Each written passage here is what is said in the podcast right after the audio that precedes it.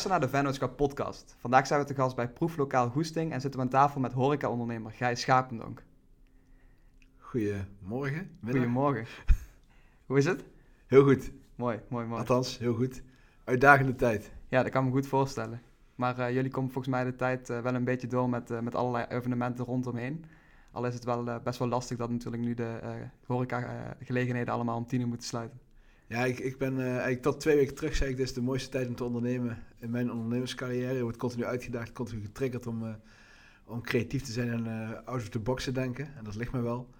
Maar nu is het met zoveel, je bent echt aan handen en voeten gebonden. met een beperking op de hoeveelheid mensen binnen en beperking op de openingstijden. Mhm.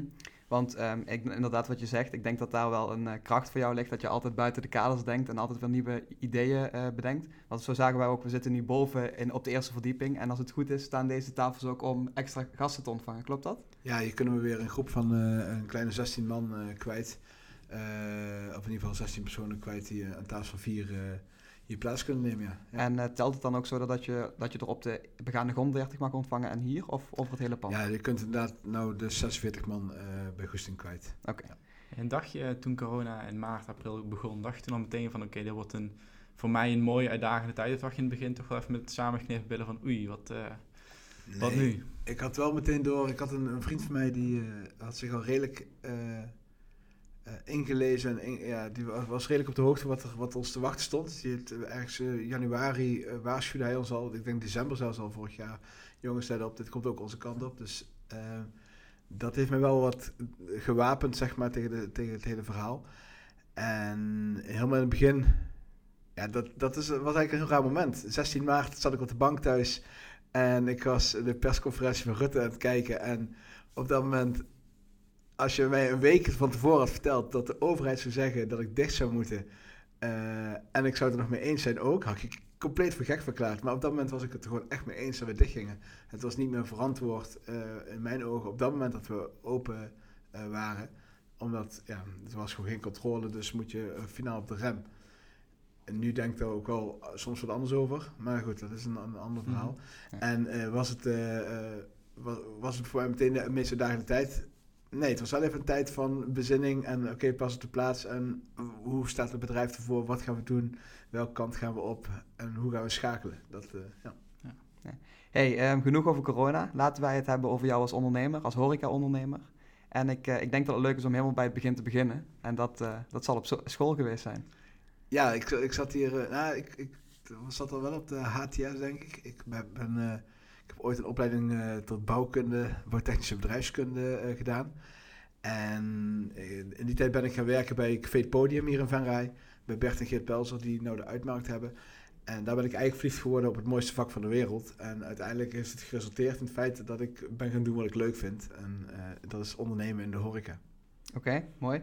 Want, ehm, want wat inspireerde jou destijds om die stap te maken van werken bij het podium tot echt voor jezelf eh, beginnen? En is dat daarna ook de goesting geweest? Of is er nog een, zit er nog een stap tussen? Nee, er is nog wel een stukje tussen gekomen. Nou, ehm, ik denk dat mijn...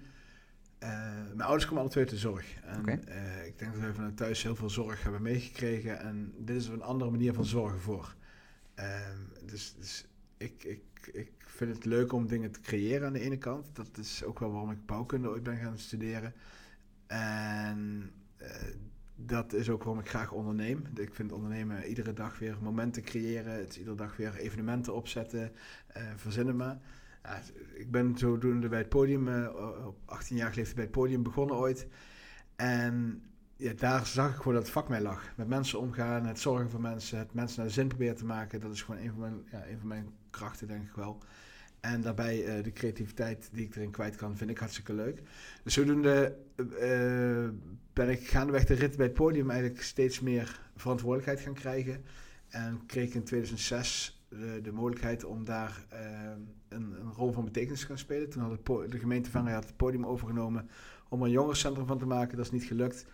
Ehm omdat het pand gewoon niet aan de voorwaarden voldeed. Toen ben ik erin gestapt van, ja, oké, prima, dan wil ik hier wel eh, gaan ondernemen. Mhm. En Want, dat, je, want je, je bent begonnen op 18-jarige leeftijd. Ja. En hoe, welke leeftijd ik had was je? 26 toen ik het overnam. Ja. ja. Toen, eh, toen ben ik eh, daar als ondernemer ingegaan. Ben ik het pand gaan huren van de gemeente Venray en daar als ondernemer mijn onderneming gaan draaien. op andere dagen nog jeugd- en jongerenwerk daarbinnen. Dus dat is eigenlijk het podium. gaandeweg de rit ben ik toen met Paul Hulsman... heb ik gezegd van, joh, ik wil, ik wil de tenten met de carnaval terug gaan zetten. En die waren toen een paar jaar weg inmiddels. En toen uh, zijn, uh, zijn Paul en ik daar aangegaan om, aangestaan om die, die, dingen terug, die tenten terug te zetten. Met kermis zijn we samen activiteiten gaan ontplooien. En zo is gaandeweg de rit reden Paul en ik een keer naar Spanje toe, met z'n tweeën. en toen vroeg hij mij, is er niks voor jou om later over te nemen? En toen zei ik van, nou nee, dat lijkt me niks. maar als ik, want als ik het over zou nemen, dan kun je eerst op gaan bouwen en dan ja, dat zie ik niet zitten. Als ik mee wil doen, wil ik meteen meedoen. En zo ben ik bij uh, Hulsman uh, terechtgekomen. In 2011 is dat geweest. Toen zijn we 30 juli 2011 uh, geopend. Toen had ik het podium aan de ene kant en Hulsman aan de andere kant. En dat was niet van hele lange duur, want op 4, 23 oktober 2011 brandde het podium af. En dat was wel een hele bizarre dag. Mm -hmm. Dan zie je ook wel een stukje van je levenswerk in rook opgaan. Ja. Maar ik heb altijd in mijn achterhoofd gehouden. Het is maar goed dat het mijn zaak is en, nooit, en niet mijn werk. Want, of niet mijn thuis, sorry. Het is, maar, het is maar mijn werk. En, uh, en ik had Hulsman nog, uh, waar ik mijn ei vol in kwijt kon. Daar ben ik ook bijna vijf jaar bezig geweest. Dat is wel grappig, vijf jaar is altijd een beetje een cyclus ja. bij mij. Uh, het is 2006 tot 2011 en bij Hulsman heb ik een kleine vijf jaar lang ben ik daar aan de slag gegaan. Want in 2016, nee sorry, 2015, december 2015 heb ik uh, Proefik Augustin geopend. Ja, want um, dat is wel heel interessant. Want op destijds, nu is speciaal bier volgens mij voor iedereen wel heel bekend. Alleen destijds was het volgens mij helemaal niet bekend. Want ik denk dat jullie bij de Huls, uh, Hulsman niet meer als uh, drie verschillende speciaalbiertjes hadden. Of, ja, iets meer hadden we er wel, okay. maar niet, niet heel veel meer. Vroeger in het podium trouwens hadden we uh, denk ik meer speciaal bier dan welke andere zaak. Okay. ja, want we gaan er nu best wel snel overheen. Maar hoe, ja. hoe was zeg maar, die tijd? Want het brandde af en je zegt van ja, ik ben blij dat het niet meer thuis was. Maar ja, je zegt het al, mijn levenswerk ging als het ware in letterlijke rook op. Hoe, hoe was die tijd? Hoe ben je daarmee omgegaan? Ja, dat, dan, um, dan komt de ondernemer ook wel in naar boven. En dan komt de, de, de, de uh, creatievelingen in naar boven. In het begin wil je heel snel gaan schakelen en op zoek gaan naar een andere locatie om het uh, verhaal door te zetten, voor te zetten. Maar er zat ook wel een andere kant van het verhaal aan. Uh, alcohol ging dat jaar, of oh, na een jaar later ging dat naar 18 jaar. Dus was het eigenlijk, als je het eh, achteraf bekijkt, zo dacht ik het er dan met echt niet over. nee, maar ja, uh, in de brand, uit de brand zeggen ze wel eens. Dat was het ook echt een beetje. Het was ook een, een, een knallend einde voor iets wat toch wel eindig was. Ja, dat, dat, dat, zo kijk ik er nu in ieder geval op terug. Op dat moment keek ik er niet zo naar.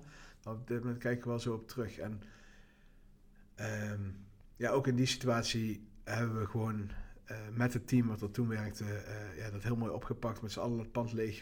Ja, gewoon echt een, een mooi einde aangemaakt. En het mooie is dat het team wat toen er werkte, nog steeds uh, regelmatig met elkaar contact heeft. En ja, als vrienden met elkaar omgaat. Ja, want hoeveel man werkte daar destijds?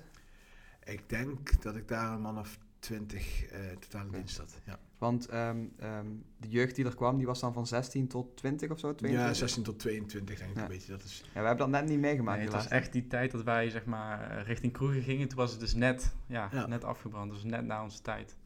Maar um, ja, van, van ouderen hebben we er echt veel, uh, veel leuke verhalen over. Ja, we hebben echt een hartstikke mooie tijd gehad. Heel, heel veel, da daar was het echt iedere week een evenement organiseren. Iedere week DJ's en plannen, uh, met beveiliging aan de slag, uh, jongeren opvoeden hoe je bezig moet zijn in de horeca, hoe je je moet gedragen in de horeca. En ik ben ergens ook wel blij dat ik nou gewoon dit, dit, dit, dit bedrijf heb, dat ik goesting heb. Want die hectiek, die, uh, dat was toch ook wel heftig hoor. Maar ja, misschien wel mooi bij die leeftijd, toch? Als je nog, als je dat is zeker bent, waar. Dan, ik denk ook dat je daar op een gegeven moment uitgroeit. Ja. Dat, ja. Want nu is er zeg maar qua, um, qua echt, ik mag dat wel een soort van onder club schaden, toch of niet? Is het echt een club of was het een kroeg? Podium. Ja? Het was, het was een dorpsdisco weer, denk ik. Ja, precies. Want, want toen was er nog best wel sprake van concurrentie, toch? Of hoe, hoe zat dat dan? Tegenover nu, toen had je nog Zenit, denk ik? Of in die ja, je had, de, je had de Steeg. Ja, Steeg. Uh, dus niet, nog niet eens de Zenit. Ja. De Zenit ging open. Je had de Lange kwam op een gegeven moment in Horst. Dat was dan een heftige uh, voor ons. Uh, de, de, de tijd had je. Maar dat was het, het uitgaans... de uitgaansomgeving hier in de regio is compleet veranderd. Dat ja. van toen. Uh, toen had je uh, Hulsman die, uh, zat vol, de uitmarkt zat vol, de royerie zat vol, het podium zat vol, de koets zat vol. de tijd zat vol. Dus er zaten heel veel kroegen in de avonduren vol met jonge mensen. En als je nou kijkt naar hoe, hoe, de uitgaanswereld er nu uitziet, het is veel meer borrelen, genieten. ik denk ook dat er een hele andere functie aan het, aan, aan, aan, het stappen is gekomen. Kijk, vroeger, oh, ik hoor mij vroeger, toen ik het podium begon, ehm, toen, of toen ik ging werken, was de eerste vraag die iedereen stelde aan elkaar: wat heb je gedaan afgelopen week?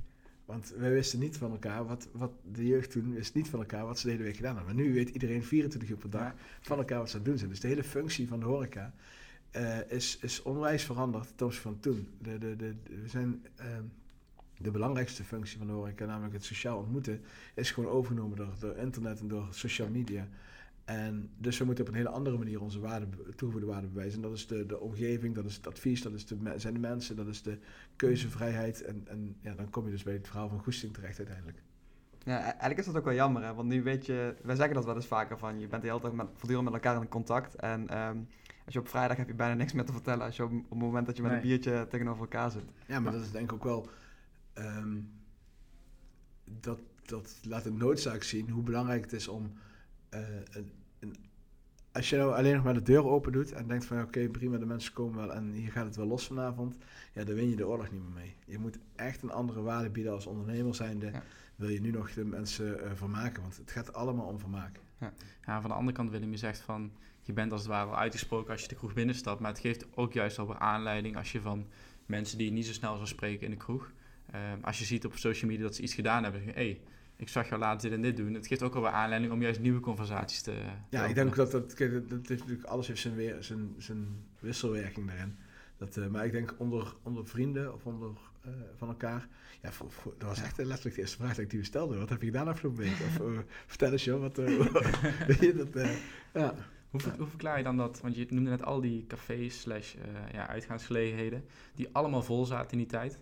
Nu zijn ze nou, enerzijds op één hand te tellen, maar ze zitten ook lang niet helemaal meer vol. En al helemaal niet met ja, jongens van onze leeftijd of mensen van onze leeftijd. Hoe verklaar je dat? Want ja, waar zijn die mensen heen?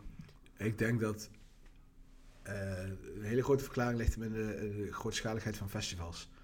Uh, toen had je niet de kijk, het verste weg dat wij ooit gingen, was de kermis in Westbree. Uh, dat, dat was een beetje onze wereld, zeg maar. En nu zie je dat iedereen overal naar festivals gaat. En de festivals zijn gigantisch de entertainmentwaarde van de festivals is uh, weergeloos. Daar kunnen wij als, als reguliere horeca nauwelijks tegen opboksen.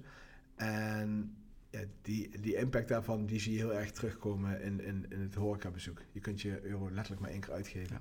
Daarbij is het bestedingspatroon van jongeren ook wel heel anders. Dat, uh, vroeger hadden ze geen mobiele telefoons. Er, was geen, uh, je had niet te maken met bundels, weet ik wat, links of rechts. Dus, dus ook daar zit wel een stukje veranderd in. En natuurlijk het ontmoeten. Het ontmoeten, de functie van het ontmoeten is online gekomen en niet meer in de, in de kroeg. Ja. Hey, um, je hebt daarna, um, uiteindelijk kwam je op een idee, speciaal bier. Terwijl uiteindelijk niemand dat deed. En dat is ook wat uh, uiteindelijk geëindigd is in de plek waar we nu zitten. Ja. Proeflokaal Goesting. Hoe ben je op dat idee gekomen om daarmee te starten? Waar heb je dat, dat heb je ergens opgedaan, dat idee? Ja, ik zag... Um, eigenlijk kun je twee dingen benoemen daarin. Ten eerste is, in, is Amerika altijd wel een beetje een leidend uh, verhaal uh, hierin. En Amerika was de IPA-markt onwijs in opkomst. De, de, de, de Indian die kwamen daar heel erg in, opkomst. En je zag die craft beer brouwerijen daar in de opkomst komen. Dus dat was de ene kant van het verhaal. De andere kant is een Venrijse ondernemer, Jan Fleurkes. Uh, de, de ontwikkelaar van Mongozo bier, eigenaar, oud-eigenaar van Mongozo bier moet ik zeggen. Hij heeft inmiddels verkocht. Die ehm, zei tegen mij, Gijs, let op, dat speciaal bier dat wordt groot. En Jan en ik hebben uh, regelmatig contact met elkaar. We spreken elkaar eigenlijk wel één of twee keer per maand. Al jarenlang, echt al mhm. jarenlang. Met altijd één afspraak, dat we aan het eind van de afspraak weer een nieuwe afspraak maken. Dus dat is de enige afspraak die we hebben. En voor de rest hebben we gewoon gesprekken over van alles en nog wat. Uh, dat kan inspireren, dat kan een keer uh, coachend-achtig zijn. Dat kan overleggen, sparren zijn. Dat kan gewoon luisteren zijn. En het kan een half uurtje duren, het kan twee uur duren. Zo'n gesprek. Maar het is altijd uh, één afspraak aan het einde van het verhaal, een nieuwe afspraak. En die, ik denk wel dat daar een stukje van mijn basis in ligt. En wat de uiteindelijke trigger is geweest. Ik was bij de brouwer in, uh, Café de Brouwer in Deurne. En daar kwam een man, die kwam, ze hadden Brouwer Meets Brouwer of iets dergelijks. Er kwam Mike Jansen van Brouwerij Wilderen. En Mike was met zo gigantisch veel passie over bier aan het vertellen daar. En met zoveel gigantische passie over zijn brouwerij vertellen. dacht ik, ja, dit is het. Dit, dit, is, dit is hoe, het, hoe de wereld eruit gaat zien. Mhm. Die, die passie, die, dat is wat ik wil. Ik wil die passie overbrengen. En ook als ik mezelf nu hoor praten, dan voel ik me gewoon die passie weer. ook, Dat, ja, dat is wel bij mijn... waar- ja, wat mijn absolute drijfveer is, is gewoon de passie voor dit vak en voor met mooie producten om mogen gaan. En ja, dat, eh, ja. Is die kennis van speciaal bier, had je die toen al? Of is die, sindsdien is die... eh, Nee, mensen denken wel eens dat ik al eh vijf en, ja, ik ben 40, dat ik al vijf- 25 jaar helemaal weg ben van, van speciaal bier. Maar mijn passie is wel echt ontstaan uit zakelijke interesse. En wel doorgeslagen naar. Ik, ik vind het echt heel erg leuk. Mhm. Dus ik, ik vind het echt heel leuk om ermee bezig te zijn. Maar de, de, grondslag daarvan, eh, de basis daarvan, ligt wel bij, eh, bij het zakelijke interesse. Ja, want ik weet in het begin toen, eh toen Goesting opende, toen was iedereen vet onder de indruk dat jij en ook je personeelsleden gewoon echt wisten van alle bieren die op de kaart stonden. En Ja. eh, dat zal misschien niet 100% kloppen dat je van alles had wist, want er zullen vast trucjes voor zijn. Maar ehm, dat is volgens mij, hoe, hoe ik het heb beleefd, wel een soort van aanleiding ge- gegeven van hé, hey, die gasten hebben er echt verstand van. En ze, ze doen niet zomaar, eh, we zetten zoveel bier op de kaart en we schenken alles. Nee, ze, ze adviseren echt en ze weten Ja. echt. Ja, Nou, ik, vind, ik, ik zeg al, wij zijn, uiteindelijk zijn wij verhalenvertellers. Wij, wij verkopen helemaal geen bier. Eh, als je bier wil kopen, kun je beter naar de supermarkt gaan, want dan ga je daar zitten en dan, of dan ga je bij de supermarkt bier halen, ga je thuis op de bank zitten. Dan heb je het al afgerekend, het is een stuk goedkoper. Je hoeft niet meer naar huis te fietsen. Er zegt nooit iemand dat je te laat thuis bent gekomen. Heel veel voordelen aan thuis bier drinken. En waarom komen mensen dan toch hier? Ja, dat zijn wij. Dat is de omgeving. Dat is ehm, het advies dat we kunnen bieden. De verhalen die we kunnen vertellen. Er zijn heel veel... eh, ehm, ja, dat is mijn toegevoegde waarde. En uiteindelijk zijn wij verha- verhalenvertellers geworden. Ik altijd, de tijd die je hebt om, eh, om een glas in te schenken aan tafel... is de tijd die je hebt om een verhaal te vertellen. Dus ben je, sta je aan tafel... Hou je mond niet dicht, maar vertel een verhaal. En verta- verhaal kan gaan over de stad waar het bier vandaan komt, over het land, over de bierstijl, over eh, eh, misschien wel weet je wel heel veel van de brouwerij. Maar vertel, vertel een verhaal. En dat is ook wel heel leuk. We vertellen ook s'avonds bij het nazitten aan elkaar de verhalen, eh, proberen elkaar dingen te leren. Eh, zo proberen we eh, met z'n allen heel, heel veel verhalen te weten te komen. En ja, overal is wel een klein verhaaltje over te vertellen. Ik heb nu al een titel voor de podcast in gedachten, maar dat, eh, dat is te laat. maar ehm, hoe zorgde je dan voor dat de eerste personeelsleden die je aannam binnen Goesting, hoe zorgde je ervoor dat zij ja, die verhalen konden en gingen vertellen? Ehm, Want die kennis, die moeten ze ook ergens vandaan toveren. Ja, dat is denk ik wel aanstekelijk enthousiasme geweest. Eh, dat, dat iedereen... Wij proefden, zeker in het begin, eh, iedere avond dat we gewerkt hadden... en dat was in het begin echt... eh, iedereen... in het begin was het zo bizar druk. En dat die druk zou gebleven. Maar in het begin waren we met een heel klein team... waar we die drukte aan het opvangen. En elke avond gingen wij hier zitten, helemaal uitgeblust. En eh, dronken wij een aantal biertjes. Die deelden wij met elkaar. En dan gingen we kijken wat voor verhalen erachter waren. En zo, zo zijn die verhalen gegroeid. En ja, dat is, dat is denk ik wel de... de, de en we konden ook heel veel verhalen... Als we geen verhaal over bier wisten, konden we een verhaal over hoesting vertellen. Ja. Dus daar zit... eh, ja, we, we, we, werden niet, we vielen niet stil hier. Dus dat is denk ik wel... Want, want ehm, de- ik vind dit wel interessant. Je, je, bent eigenaar van een hulsman en eh, je, je komt met een idee en totdat dat staat. Kun je wat meer vertellen over dat traject, hoe dat in zijn werk gaat? Ja, ik was geen eigenaar nog bij Hulsman. Ik, was, eh, ik zat wel bij Paul erbij in om, om eigenaar te worden. Maar uiteindelijk ben ik, eh, is dat anders geworden. Eh, ja, Oké, ja. ik, ik had er wel een stukje mee geïnvesteerd, maar eh, ik ben uiteindelijk nooit eh, volledig eigenaar daar geworden op papier. Mhm. Eh, ik mocht me wel een beetje zo gedragen, dus dat is wel leuk. Ja. Sorry, wat was jouw vraag? Mijn vraag was zeg maar van, ehm, mis- misschien is het, lijkt het heel gewoon dat Goesting er nu staat, mhm. maar ehm, ja, er is wel een tijd geweest dat, dat, dat Ja, niet stond. ja. Het traject zeg maar van, oké, ik werk bij Hulsman, tot een idee bedenken, tot ehm, ja, best wel een heel groot mooi pand, huren. Ja, dat, is, dat zijn twee trajecten. Ehm Ene traject is dat ik echt op heel veel plekken naar horeca ben gaan kijken hoe dat, hoe dat daar draait. Ik ben met Heineken, eh eh, had ze een programma dat je naar, mee naar het buitenland kon, naar steden kon. En dan kon je inspirerende horecazaken gezien, zien. En daar ben ik mee in Boedapest geweest, mee in Dublin geweest. eh, op heel veel andere plekken ook naar de horeca gekeken. Want ik, ja, als je eenmaal in de horeca werkt, kun je niet meer normaal, en je bent echt een beetje verknocht aan het vak, kun je niet meer normaal uitgaan, want dan ben je alleen maar om je heen aan het kijken, hoe doen ze dit hier, hoe doen ze dit daar. Dus ik maakte altijd foto's van overal om inspiratie te onthouden. En die verzameling van inspiratie, is uiteindelijk Proefka Goesting geworden, dus dat is het interieur. En aan de andere kant, uh, hoe je op dit pand terecht bent gekomen. Ik ben s'avonds, want hier zat de VVV-kantoor, en ik ben s'avonds een keer, in plaats van, was ik op het werk, bij, bij Hosman, en ik had dit in mijn kop en ik denk, ja, ik, ga gewoon kijken welk pand het, uh, het moet worden. Ik ben, uh, ik ben s'avonds een ronde door Vanrij gaan lopen en met de open mind van, als ik nou elk pand kan krijgen dat ik zou willen, welk pand zou ik dan willen? En toen liep ik langs het pand van de VV en toen dacht ik, ja, ik, ik wil aan een plein zitten. Ik moet minimaal 200, ruim 200 vierkante meter hebben. Ik wil er geen woning boven hebben, ook al staat bij Goesting de muziek niet hard. Ik wist ook van mezelf, als het concept niet draait zoals ik denk dat het moet draaien, dan wil ik daarin kunnen aanpassen, wil ik wel een DJ neer kunnen zetten. Dus zodoende ben ik eigenlijk gaan kijken welk pand is het meest geschikt. Vrij van bagage, dat er misschien iets anders in zat. Ja. En volgens ben ik naar de pandeigenaar gegaan en heb ik gezegd, ik wil eigenlijk jouw pand gaan huren. En hij zegt, ja, maar de VVV zit erin. um, Wanneer was dit? Welk jaar? Uh, 2014, december 2014. Okay. Dus uh, daar zit een jaar aan uh, ontwikkeling eigenlijk vooraf. En um, op dat moment ben ik met, met Karel, Karel Janssens, de pandeigenaar, in gesprek geraakt. En hij zei, nou oké, okay, prima. Het VV moet in 2018, 19 volgens mij, toch naar het nieuwe, nieuwe pand waar het nou zit. dan gaan we kijken naar een tijdelijke setting voor de VV en dan kun jij hier aan de slag. Ja, zodoende, ja, zo geschiedde eigenlijk. Dus zo ben ik hier in het pand terechtgekomen.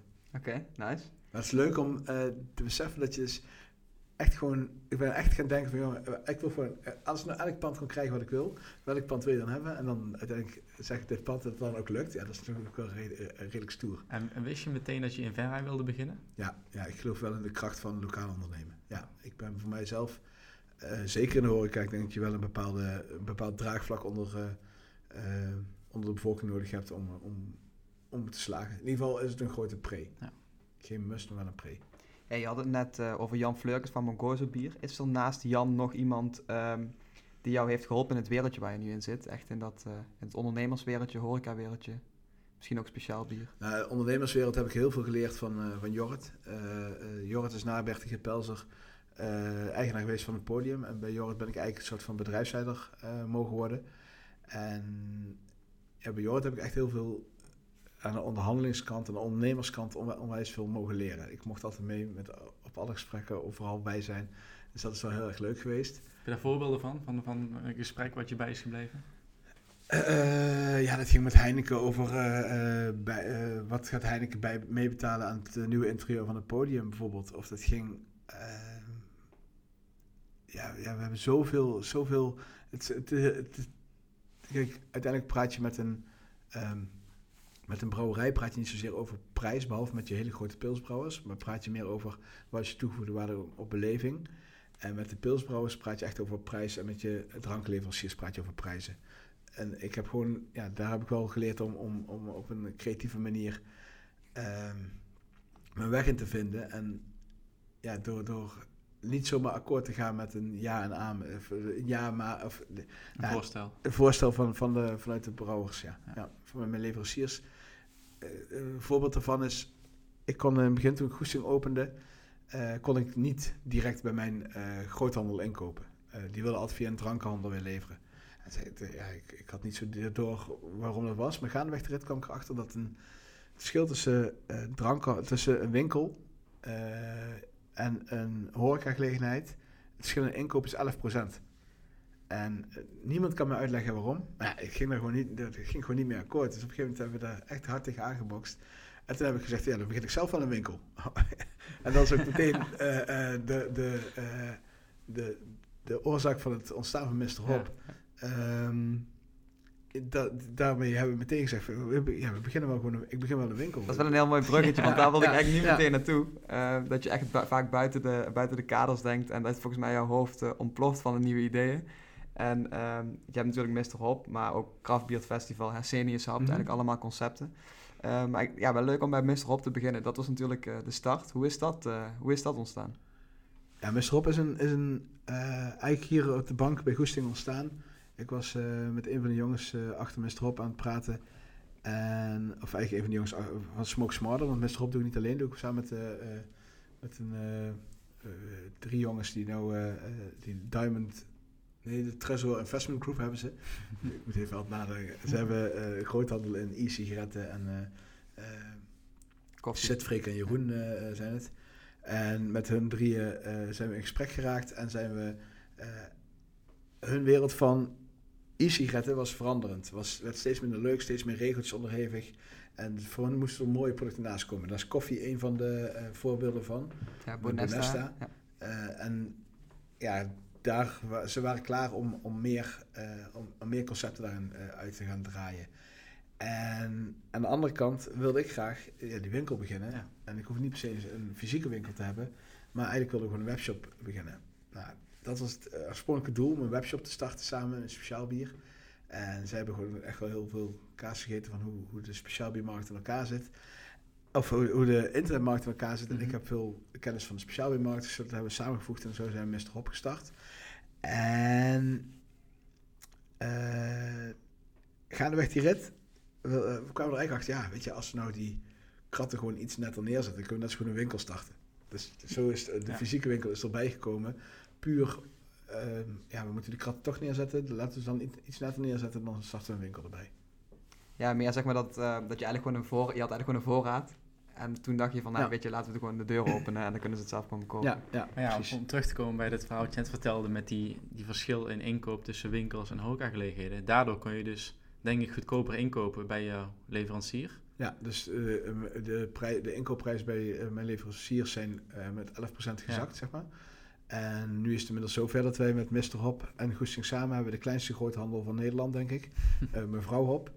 En uh, met mijn vrouw op heeft met twee klanten. Dat is Goesting aan de ene kant en Mr. Op aan de andere kant. En dus we kunnen nou tegen groothandelscondities inkopen bij brouwerijen. Kijk. Ja. dat is wel mooi. Want is, dat dan, is het dan ook één voorraad? Kan ik dat ook goed zien? Stel je voor dat nee, hier daar... Nee, het nee, zijn echt losse, losse bedrijven. Uh, mevrouw op een los bedrijf. Mevrouw op levert direct door. Dus dat is uh, puur eigenlijk administratief. En, uh, en Mr. Hop is één voorraad en Goesting is een andere voorraad. Maar we kunnen wel slim met elkaar omgaan met voorraden. Als er ergens product, eh, bijvoorbeeld toen wij dicht moesten wegens corona, zijn we hier de koelsen ingedoken. Oké, prima, welke producten kunnen we hier kwijt? Dan kunnen we naar Mr. Hop te doen met nog een goede TT om te verkopen. Uh, we zijn hier de, alle bieren die op tap zaten, zijn we af gaan vullen op flessen zelf. En die hebben we als cadeautje meegedaan bij bestellingen bij Mr. Hop. Ja, ik had het ook weg kunnen gooien, maar dan kan ik het beter als cadeautje meedoen. en die, die samenwerking met die drie jongens, hoe ziet die er um, zeg maar de dagelijkse gang van zaken uit? Want hun is inderdaad ik heb die side gezien van Mister die ziet er echt gelikt uit, super vet. Maar hoe, ja, hoe ziet jullie contact eruit? De... Ja, ik heb daar een, een, een beetje een ondergeschikte rol in. Sid is, is echt de, de, de, de man en lead zeg maar, bij, de, bij de winkel. De gezichten in de winkel, we hebben altijd gezegd, we gaan niet zelf Mr. Hop draaien. Dus we gaan niet zelf fysiek Mr. Hop daar staan. Dat, dat zijn uh, vooral Frank en uh, Chris, die uh, zijn de gezichten van de zaak. En Sid heeft eigenlijk de dagelijkse leiding over het bedrijf. Jeroen houdt zich bezig met de website-kant, de, de ontwikkelingskant daarvan. Die is daar gewoon heel erg goed in. Ja. Heeft ook een ander bedrijf en een compagnon in en doet dat hartstikke goed. Um, Freek houdt zich voornamelijk bezig met de, de, de logistieke kant van het verhaal. En ik loop een beetje als creatieveling tussendoor te banjeren. Oké, mooi. Hey, en dan hebben we natuurlijk de, de, de festivals, Craft Festival en Seniors Hub. Ja. Mis ik iets? Het Winter Festival nog. Oké. Ehm, hoe, uh, heb, ja, uh, heb je dan nog tijd voor? ja, ja, dat, nou ja dat, ik denk dat het uiteindelijk is dat ook... Uh, die festivals leveren op zich niet zoveel op. Dat is niet een verdienmodel, maar het is in marketingwaarde gigantisch groot. En dat is ook de reden waarom we het doen. En ook waarom we dit jaar echt heel erg blij zijn dat het wel door is kunnen gaan. Um, ik wil heel erg graag laten zien wat er kan. En ook wat er in een dorpje als Venray kan. Ja. Uh, toen ik hier begon, vijf jaar geleden, toen zei iedereen, ja, je bent gek. Dat plein dat is geen horecaplein, daar moet je niet zitten. Dat, dat is gedoemd te mislukken. Mhm. Waarom nog een kroeg erbij? En ja, daar hebben we denk ik uh, absoluut het ongelijk van de mensen bewezen. Uh, inmiddels is dit uh, de evenementenkant van het ja. centrum. En zeker niet de mindere horecakant van het centrum. helemaal als je nou kijkt hoe groot de terrassen hier nou ook zijn. Te vergelijken met de andere kant. Ook, ook wij bestrijken inmiddels het hele plein. Dus dat is wel, wel heel erg leuk. dus ik vind de marketingwaarde van die evenementen heel erg belangrijk. En tegelijkertijd is het voor mijzelf ook wel om mijzelf tevreden te houden met mijn ondernemerschap, uh, moet ik dit soort dingen doen. Dat is voor mijzelf ook wel een belangrijke. Ik, ik, ik heb gewoon een, een drijfveer om te ontwikkelen, te bouwen. Te, uh, en niks leuker dan, dan, dan, dan dat. Jij wordt niet blij als je gewoon elke dag je de deur openmaakt, nee. de mensen binnenlaat en uh, s'avonds wat nee. dicht maakt. Je moet echt dingen gaan ontwikkelen. Nee, ik, echt, ik ben uh, heel erg impulsbehoeftig. Ja. Dus ik heb echt een impuls nodig om de kick uh, vast te houden. Ja. Dat is wel heel vet als je dat bij jezelf kunt herkennen, weet je wel. Dat sluit wel helemaal aan op het boek wat we op dit moment aan het lezen zijn van, van, zero, to, van zero to One. Dat je inderdaad juist aan die andere kant gaat zitten in plaats van gaat kopiëren of ernaast gaat zitten. Dat je juist helemaal out, ja, outside of the box gaat denken. Um, en dat het dan ook nog lukt. Weet ja. je? Dat je gewoon, ze zeggen dan vaak, je, bent, je kunt alles bedenken wat je, zover als je gedachten het toelaten. En als het dan ook lukt, dan krijg je ook die bevestiging. Dat is natuurlijk wel kick. Ja, dat is, dat is denk ik wel. En, en uiteindelijk is het ook gewoon een sprong in het diepe geweest, het ja. hele verhaal.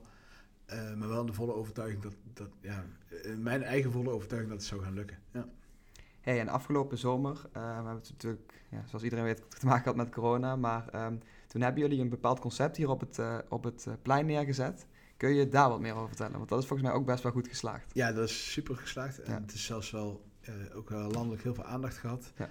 We zijn open horeca gestart. Ik, ben, ik wilde het plein op en je wilde eigenlijk in corona zo min mogelijk fysiek contact met je klanten, met je gasten. en dat is totaal tegenstrijdig met wat Goesting altijd doet. Dus dat is, dat is eigenlijk, wij wilden eigenlijk, eigenlijk wil je gewoon dat mensen zonder uh, contact al een drankje op tafel ja. hebben staan. En daar heb ik, dat was wel een gok, want ja, hoe, hoe, gaan de gast, hoe gaan mijn gasten erop reageren? Hoe gaat Venray erop reageren? Want we gingen naar een digitaal bestelsysteem toe. En uh, dat is heel goed uitgepakt. Daar, daar, daar, daarmee konden wij aan de ene kant een hele grote efficiëntieslag slaan. Want de, de, elke meter die gelopen werd, die was efficiënt. Ja. Was met een biertje in de hand en die, was, die ging ergens gericht naartoe. Dus niemand liep meer te kijken of er iemand ergens wat wilde drinken. Gasten waren ontzettend verrast hoe snel het allemaal ging. Dus dat is ook heel positief ervaren. En wat het meest bijzondere eraan is, dat drie ondernemers naast elkaar gebruik maken van elkaars ruimte. Uh, wij uh, hebben samenwerking gezocht met de Steekse Moor aan de ene kant en Tikkie Anders aan de andere kant. En heb ik gezegd, oké okay, prima, het plein is voortaan een gedeeld terras. En in plaats van ieder 80 stoelen, hadden wij samen in één keer ruim 400 stoelen. Ook omdat we van de gemeente wat extra ruimte kregen. Maar hadden we uh, uh, ruim 400 stoelen waar uh, Steeks en Morgen het eten s'avonds verzorgde. Waar Tikkie anders overdag de lunch kon verzorgen en de koffie. En ik de mooie de biertjes en de wijntjes bij mocht schenken. En um, het, ook, ook Steeks en Morgen kon gewoon een bier zeg maar, verkopen op tafel. Maar de realiteit was dat drie bedrijven het heel erg goed gedaan hebben op het plein. Dat is echt win-win-win. Ja, ja dat, is, dat is echt wel heel bijzonder. En ook nu uh, nou is het uh, op dit moment helaas dat, dat heel veel gasten, uh, en ik wel begrijpelijk dat, dat, ze, dat ze thuis blijven. Heel veel mensen blijven thuis, maar ook nu hebben wij 120 stoelen. Mm -hmm. 3 keer 40 is 120 hebben we gezegd. We hebben in ieder geval nog 120 stoelen buiten staan nu. Ja. En hoe was de reactie op, want ik heb verschillende mensen, verschillende leeftijdscategorieën daarover gesproken, over dat ja, online bestellen. Want je scant dus gewoon, zoals in meerdere plekken tegenwoordig, een QR-code op je tafel en daarmee kun je online je bestelling be, ja, bestellen en ja. betalen.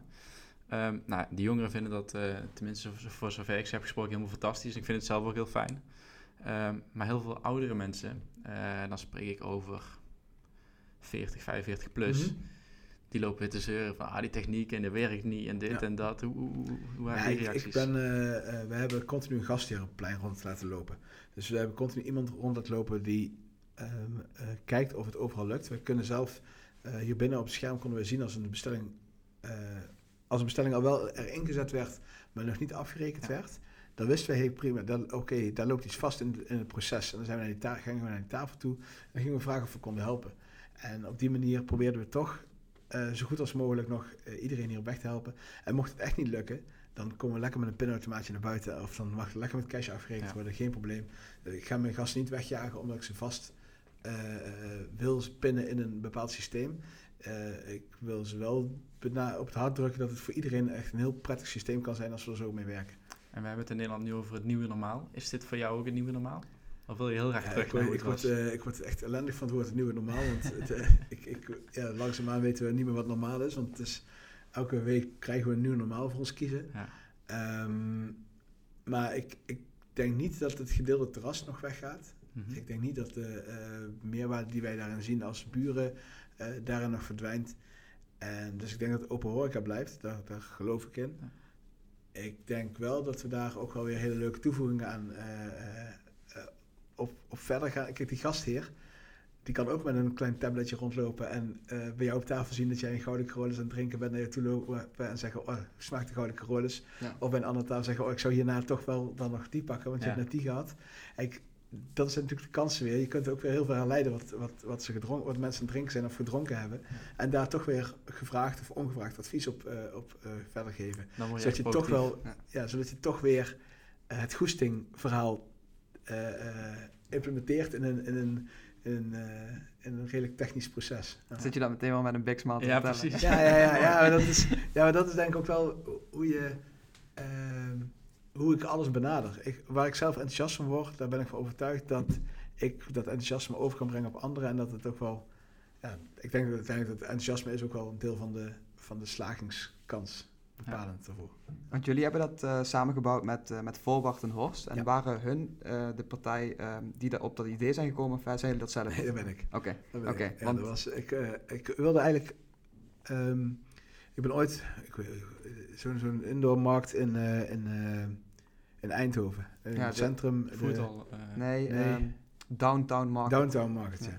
En daar was ik ooit en daar werken verschillende bedrijven samen met één systeem. En ik ben op zoek gegaan naar het systeem, hoe dat werkt. Want ik dacht, ja, dat is wat voor je voor het plein. Want ja, wat je, waarom zou je zelf uit gaan vinden wat erop bestaat? En toen kwam ik erachter dat dat kon wel, maar dan moest je of op één netwerk werken en met uh, één kassasysteem werken. Mm Ja, dat deden we. En met één boekhoudpakket werken, dat deden we natuurlijk niet. Daar, Downtown Eindhoven, uh, is één concept. Daar, daar, komen al die bedrijven in en die hebben gewoon als voorwaarde primair werk met deze kassa, met dat concept. En zo, zo werk je.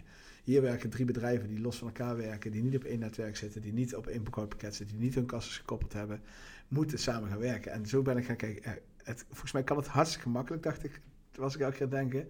Maar moeten we het nog wel zorgen dat het, dat het, dat het er komt? Want het is er gewoon niet. En zo zijn we het dus gaan ontwikkelen. Er, er was gewoon nog geen systeem wat uh, op basis van de cloud uh, uh, eigenlijk op deze manier werkte. We zijn met Molly erachter gaan werken als ja. betaalprovider. Ja. Eerst hebben we nog gekeken wat we aanvankelijk wilden is dat uh, je, als je hier op plein zat, in één bestelling hier uh, bij Goesting een biertje kon bestellen en bij Steak More uh, de steak kon bestellen. Maar dan werden wij als open horeca verantwoordelijk voor de voedselveiligheid, want dan werden wij samensteller van een weborder. Hmm, zo zo, zo plat is het dan eigenlijk. En dan werden wij verantwoordelijk voor voedselveiligheid. En dat vind ik hier op plein niet zo erg. Maar stel je voor dat uh, ze daar in Margraat hetzelfde systeem zouden gaan hanteren. Dat ik ook daar verantwoordelijk werd voor voedselveiligheid. Ja, dat vond ik wel een, een, een, een lastiger verhaal kan ik me heel goed voorstellen. Ja, want bij die, uh, bij die downtown market is het zelfs zover dat je daar een uh, thuisbezorgd en een Deliveroo, daar die, uh, die het voedsel op komen halen en dan rond gaat brengen. ja. Omdat die, ja, iedereen is daar ook, ja, net als hier, echt gespecialiseerd in een bepaald, bepaald onderdeel, bepaald gerecht. En die kwaliteit is zo goed dat mensen dat ook gewoon thuis willen bestellen. Dus dat rolt zich dan ook wel weer, zeg maar. En ze hebben dus wel één concept waarbij je dus de voedselveiligheid door Downtown Market gegarandeerd wordt. En die zullen er echt wel weer afspraken over hebben met hun leveranciers. Maar hier, hier vond ik dat wel een groot risico om dat in de hand te houden. Dat is, uh, daar hebben we trouwens wel met Pulleroe, uh, uh, met echt die partij die bij Downtown Marketing levert, echt heel mooi overleg over gehad en heel mooi de, de, de, echte samenwerking opgezocht en heel veel mogen leren. Dat is wel leuk. Ja. Maar dat idee had je dus eigenlijk al voordat corona ontstond? Toen had nee, je al gezien? Nee, dit kwam echt... dit kwam wel in... Kijk, wij werkten van tevoren al zo dat wij uh, op, bij ons op het terras mocht je ook bestellen van mijn buren. Mhm. dat, dat, dat deden we van tevoren al. En dus daar, daar ligt wel de grondslag van het hele idee. Maar dit idee is echt in, in, in mei ergens ontstaan en in twee weken tijd ontwikkeld. Dat is nog steeds oh, ja, want het terras mocht natuurlijk pas in juni of zo ja, open. Ja, in juni mocht het terras pas open. Dus uh, uh, echt halverwege mei heb ik dit idee, heb ik Koen gebeld. Koen, ik heb het idee. Kom eens even langs. En twee weken later stond het. Dus dat is ook wel eigenlijk snel dat we dat antwoord Ja, Rabobank heeft dan nog, daar heb ik dat gezien, Rabobank heeft er nog best een mooi stuk over gemaakt, hoe ja, jullie dat toen heel snel hebben aangepakt. En uh, ja. heel, heel knap hoe jullie dat toen op poort hebben gezet. Ja, mijn, mijn broertje werkt bij, dat, bij Forward en uh, die heeft meegewerkt en die heeft ook van, ja, dat, dat moest gewoon, dat moest toen af en uh, ja, alles moest, er, moest voorbij om die app af te krijgen. We stonden hier straks op het plein, op 1 juni stonden we weer op plein, Koen en ik, en reed zenuwachtig, want we hadden niet kunnen testen. Dus we hebben gewoon nog, dit test als hier. Dus dat is ook... ja. Dat is wel gaaf aan zo'n projecten. Ja. Ja. als het dan lukt. En dan weer, als het dan lukt. Ja, dan is de... En natuurlijk zaten er wel kleine bugs in, maar heel veel dingen hebben we ter plekke opgelost of, of heel snel daarna op weten te lossen. Ja. En nu is het ook kijken, ja, hoe ga je dit in de toekomst inzetten? Hoe ga je de toekomst bestendig maken? Er zijn nog heel veel leuke dingetjes aan toe te voegen of eh, mee te bedenken. Is er een ondernemer die jou op dit moment inspireert? Als je echt kijkt op grote schaal.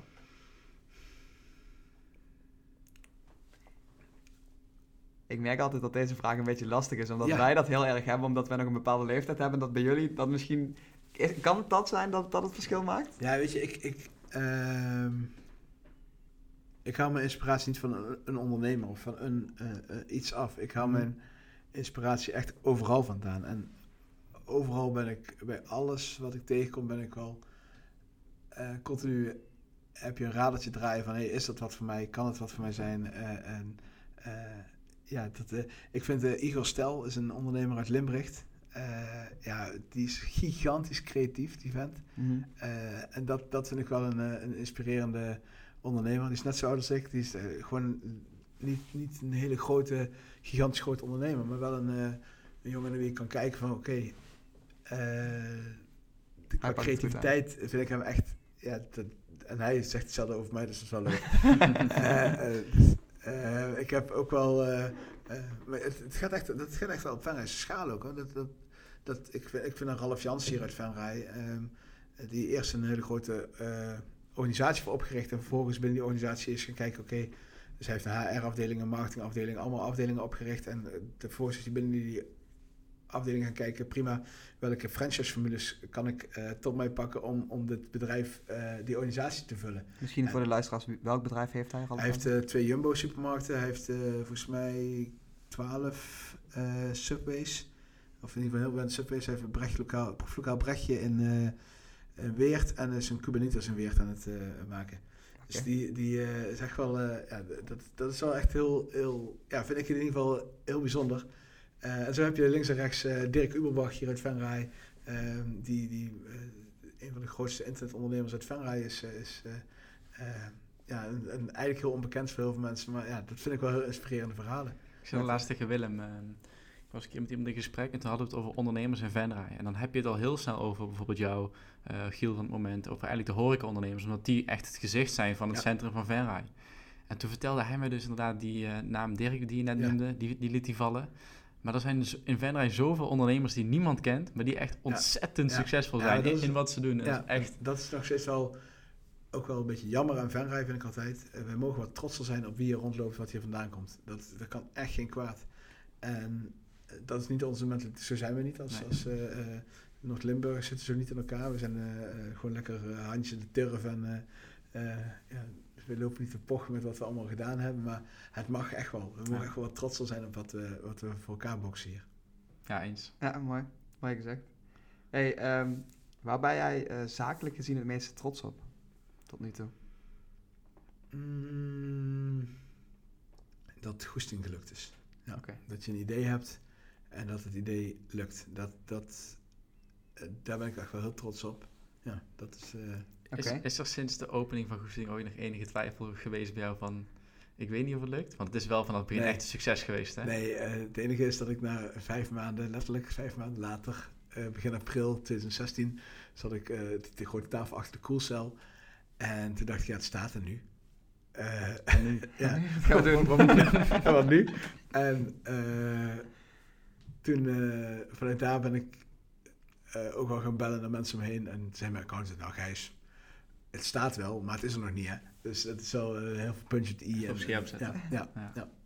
Oké. Hey, tegenover succes zit ook altijd een blunder. En ehm kan iets heel klein zijn hoor. Ik denk dat iedereen het, eh, ja, überhaupt iedereen komt het wel eens voor. Kun je zoiets iets herinneren dat je denkt van godverdomme, had ik dat maar anders aangepakt? Nou, ik denk, ik denk, een blunder is het niet zozeer. Ik denk wel dat mijn eh, grootste kracht is mijn grootste eh, zwakte. Dat komen mensen denk ik wel vaak. Ik probeer altijd mensen een zin te maken. En ik heb er heel lang, heel lang moeten leren om... eh, het heeft mij heel lang geduurd om nee te zeggen tegen mensen. Ik vond het altijd heel moeilijk om mensen teleur te stellen. Ik had altijd het gevoel dat een nee een teleurstelling was voor anderen. Mhm. En eh, daar heb ik wel heel veel moeite mee gehad in het verleden om nee te zeggen. Waardoor ik dus ook heel veel ja, ook wel mensen teleur heb gesteld. Omdat ik uiteindelijk niet waar kon maken waar ik geen nee op zei. Ja. Dus dat, dat ehm, of, of moeilijk waar kon maken. Waar ik, dus daar, daar heb ik wel heel veel in moeten leren en mogen leren. Ja, dat vind ik niet echt een blunder, maar dat is meer een leermoment. Dat ja, is een hele mooie ja, goed, dus, ja, het is geen, maar echt een blunder. Ja, weet je, ik heb, ik heb laatst in de stress heb ik een, een tank opengetrokken uh, zonder dat een nieuwe slang eraan zat. Ja, dat, ja, dat vind ik dan wel leuk om te horen of ja, niet leuk, maar, dat, uh, dat, dat, dat, is een leuke blunder. Ja, uh, dus dat is wel even zo'n, ja, ik heb niet echt, ja, blunders, ja, iedereen maakt elke dag foutjes en het gaat erom hoe het opgelost wordt. Dat ja, zeker, 100% mee eens. Hey, uh, hoe ziet jouw optimale werkweek eruit en als je zoveel dingen tegelijk doet? Um, is er iemand die je uh, helpt bij het inplannen van je agenda of zo? Nee, nee, nee. Hoe, nee, hoe doe je dat? Nee, dat, uh, die chaos hou ik voor mezelf. Oké. Okay. Uh, nee, hoe, hoe, hoe ziet mijn ideale werk? Ik, ik heb op dinsdag en donderdag heb ik eigenlijk altijd kantoor. Op maandag ben ik altijd thuis. Maandag is voor de kids en dan ben ik lekker thuis en dan vind ik het wel goed met de wereld. Dinsdag en donderdag ben ik altijd s ochtends vroeg op de, op de zaak. En woensdag eigenlijk ook wel. Uh, drie dagen in de week dat ik echt vroeg op de zaak ben. En de vrijdag eigenlijk ook wel. Dus de week ben ik redelijk 9 tot 5 aanwezig. Met daarbij aanvullend nog de, uh, twee avonden in de week. En ik werk ook twee avonden in het weekend. Dus dat is een beetje mijn... Uh, overdag in het weekend probeer ik vrij te zijn. Heb ik de kinderen. en hoe mijn ideale week eigenlijk eruit ziet is... S ochtends vroeg opstaan met de kids. ontbijten naar school brengen. dan smiddags wat later in de middag naar huis gaan als de kinderen ook thuis zijn. En dan uh, thuis eten, kinderen mee bed leggen en vervolgens weer gaan werken. Dat ja. vind ik wel, kijk, dat is, dat is natuurlijk voor een horecaondernemer is de balans tussen werk en privé altijd wel lastig. En ik vind dat daar de, voor mij ligt de ideale uh, werkweek, of de ideale week, ligt wel bij de goede balans tussen thuis en uh, tussen werk en privé. Ja. ja. ik denk dat je er dan ook al, alles uit kunt halen, zeg maar. Als je lekker in je vel zit en als die balans goed zit. Dan ja, dat, dat is gewoon. En je hebt ook gewoon de ontspanning nodig. En zeker, bijvoorbeeld nu, deze tijd nu, je kunt jezelf helemaal gek maken door, door uh, in de mineur te gaan leven, door, door neerslachtig te gaan doen. Nou, en er gebeuren heel veel dingen om je heen waar je geen grip op hebt. Of je gaat zeggen, joh, ik heb er geen grip op, we gaan door, we gaan de goede kant op, we gaan, we gaan gewoon die kant op. En we kijken wel, eh, misschien wel letterlijk zoals bij het schipstrand, want dat is gewoon hoe, hoe de wereld nu in elkaar zit. Niemand weet hoe, de, hoe we over drie weken weer erbij staan. En uh, genieten daarbij van de goede dingen van het leven. Ja. Hey, uh, welk, uh, even een andere vraag. Welke muziek staat er bovenaan jouw Spotify-lijst? Uh, ik, op dit moment is het Raccoon. ja, dat is wel denk ik... Nou, maar dat is altijd een beetje bepaald door... Het is of Raccoon of, of, of Kinderen voor Kinderen. Het ligt eraan wie de, wie de lijst als eerste aanreikt. Dus okay. als, het, als de kids zijn, is het Kinderen voor Kinderen. Nee, we hebben vaak, ja, we hebben gewoon, ik heb met momenten liedjes die ik veel luister. Dus ja. dat is niet, ik heb niet een, een groep of een artiest die ik heel veel luister. Ik vind het gewoon leuk om fijne muziek te luisteren. Dus, uh, Oké. Okay. Hoe, uh, hoe vertaal je dat naar de, naar de zaak? Bij, heb je ook een grote invloed op de muziek of, of hoe regel je dat? Nee, als je goed luistert bij Goesting hoor je, hoor je bijna geen muziek. Hier gaat het erom uh, wie er, wat er voor je neus staat en wie er tegenover je zit. Dus ik vind het wel belangrijk om de muziek op een laag niveau te hebben, maar het moet wel aanwezig zijn. ik vind het belangrijk om niet de muziek hier niet te overheer, overheersend te hebben. Dus dat, uh, uh, ja. Maar is het dan altijd dezelfde muziek? Of, of, of? Nee, nee, dat mogen de jongens ook wel zelf bepalen. Uh, we hebben in de zomer sowieso andere muziek dan in de winter, dus het is ook seizoensafhankelijk. Maar ik vind het gewoon belangrijk dat, dat, dat je beseft dat de muziek niet aanstaat voor de medewerkers, maar voor je gasten. Ja, dat vind ik zelf heel prettig ja. als ik ergens zit. Ja. ja. Ja, dus ik, ik zit even te denken of ik zo kan herinneren wat voor genre muziek dat erop staat bij Goesting. Maar nee, Hier is altijd een beetje jazzy, een beetje soul, een beetje uh, pop, een beetje uh, van alles wat, maar niks uitgesproken. Dus uh, hier komt ook wel eens een keer een, een Jason Derulo voorbij of weet ik wat, maar niet een heel album of nee, een hele lange... of we draaien ook wel eens een keer een nummertje club, of dan komt hij ook wel voorbij, maar dan is het ook gewoon een nummertje of twee nummertjes en dan is het ook weer klaar. Ja. Wat is de laatste serie die je gekeken hebt op Netflix? Uh, we zijn nu aan het kijken naar Moskou Noir. Oké, okay, waar gaat die over? Uh, over een uh, Zweedse bankier die in Moskou allemaal lusje zaken probeert op te lossen en iedereen om hem heen die gaat, die, die, wordt gehemeld. Oké. Okay. en natuurlijk undercover, maar dat kan ja. Ja, die, die kijkt iedereen. um, luister je podcast? Nee, nee. Dat, okay, nog niet, de Venusco Ja, ik heb toevallig, omdat we dit, dit gingen doen, uh, heb ik vorige week van Bjorn, Bjorn eens teruggeluisterd hoe dat ging. Ja. ja ik, ik vind het wel leuk, maar ik ben...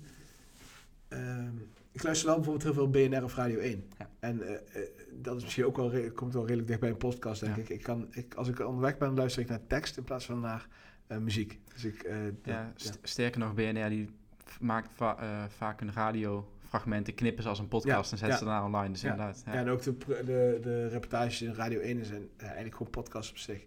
Dus ik, dat doe ik wel. Ik, onderweg ja, je kunt dat bij ons in de auto merken, wie als laatst in de auto heeft gezeten. Judith, dan staat de muziek aan en uh, ik dan staat de tekst aan. Ja. hey, um, volgens mij doe je het voortdurend, je eigen dromen waarmaken, maar um, is er op dit moment nog iets wat je denkt van, hé, hey, dat ga ik nog bereiken de aankomende vijf jaar? Ja, ik denk wel dat, uh, ja, als je mij dit een half jaar geleden had gevraagd, of, of, acht maanden geleden had gevraagd, dan had ik gezegd, joh, de goesting gaat groeien, goesting moet... Uh, uitvliegen. Mm -hmm. dit concept is echt wel klaar om, om naar een volgende stad te gaan. Maar nu is natuurlijk de hele marktomstandigheden zijn wel echt anders. Hoewel er ook weer kansen liggen, want er komen ook vanzelf weer plekken, mooie, mooie plekken, mooie locaties vrij. Dus er liggen ook kansen. Um, ja, ik, ik, ik zie het wel zitten om een keer... Ja, ik wil blijven ondernemen. Dat is eigenlijk het voornaamste bij mij. En, en wat er precies op mijn, op mijn pad komt, maakt me niet zoveel uit. Ik, ik wil blijven ondernemen. En ik geloof wel dat mijn basis altijd in Venray moet blijven liggen. Dat vind ik heel belangrijk. Dat ik dat, uh, maar uh, dat alles wat ik doe in Venray zal zijn, dat geloof ik niet. Dat, uh, nee. nee. Oké, okay, mooi. Hey, wij sluiten altijd af met een gouden tip voor onze luisteraars. Ja, ja ik, heb, ik, ik sluit altijd af. Ik, ik geef wel regelmatig ook presentaties aan scholieren of aan, over ondernemen of aan jonge ondernemers, wat ik dan wat mag vertellen. En ik heb echt één ding geleerd voor mezelf, is als je, als je kunt gaan doen wat je leuk vindt, is het veel makkelijker om daar goed in te worden. Dat vind ik een hele mooie. Hey Gijs, bedankt voor jouw gastvrijheid. Um, bedankt voor het luisteren. Uh, we zijn de volgende week weer met een nieuwe aflevering. Uh, vergeet even niet te abonneren en liken. En uh, tot volgende week. Dankjewel.